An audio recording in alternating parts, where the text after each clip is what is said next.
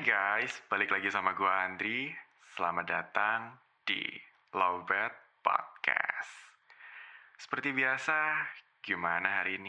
Capek ya? Sini, duduk dulu. Ambil posisi ternyaman kalian. Yang rokok, dinyalain rokoknya. Yang ngopi, dinikmati kopinya. By the way, tau gak sih guys, kalau selama ini gue tuh produksi Lowbat Podcast pakai Anchor.fm. Karena asli, menurut gue gampang banget bikin atau rekaman podcast pakai Anchor.fm ini. Udah gratis, lengkap lagi. Mulai dari record, editing, sampai tahap distribusi ke Spotify dan beberapa platform lainnya, semuanya bisa dilakukan hanya dengan satu aplikasi.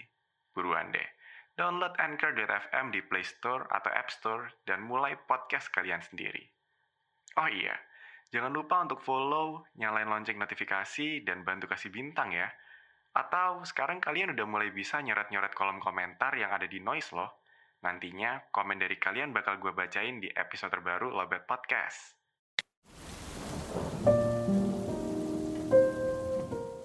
Oh, ternyata gini ya rasanya jadi dewasa. Banyak orang bilang semua berubah ketika negara api menyerang. And yes, everything's changed now.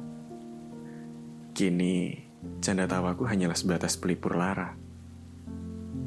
Aku tak pernah membayangkan bila menjadi dewasa ternyata semenyakitkan ini. I miss the old me. I really do. Aku rindu dengan diriku yang dulu. Diriku yang tak pernah bersembunyi di balik senyuman palsu. Diriku yang bebas berekspresi. Bebas mengeluarkan air mata kapan pun aku mau. Menyesal rasanya. Dulu aku menganggap bahwa air mata adalah sebuah kelemahan. Karena kini, aku justru rindu bagaimana rasanya menangis lega menyalurkan semua sakit di hati. Hmm, lucu ya.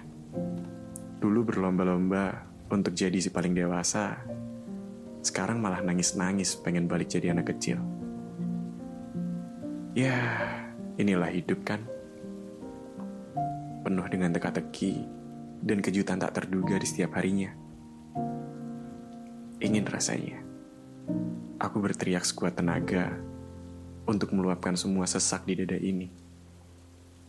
Sayangnya, entah mengapa, setiap ingin melakukan hal tersebut, rasanya mulut ini malah terkunci rapat. Entahlah, kini aku tak tahu lagi bagaimana caranya untuk bisa kembali menikmati dan menjalani hidup dengan tenang. Ikhlas dan bersyukur, semua sudah kucoba. Bahkan, kini akhirnya aku telah berada pada titik di mana aku menganggap bahwa itu hanya sebuah kalimat penenang. Karena jujur saja, semakin ke sini, rasanya ikhlas itu bohong. Yang ada hanyalah terpaksa untuk terbiasa. Jujur, kini aku kehilangan arah untuk hidup. Bahkan, kini aku tak lagi bisa mengenali diriku sendiri.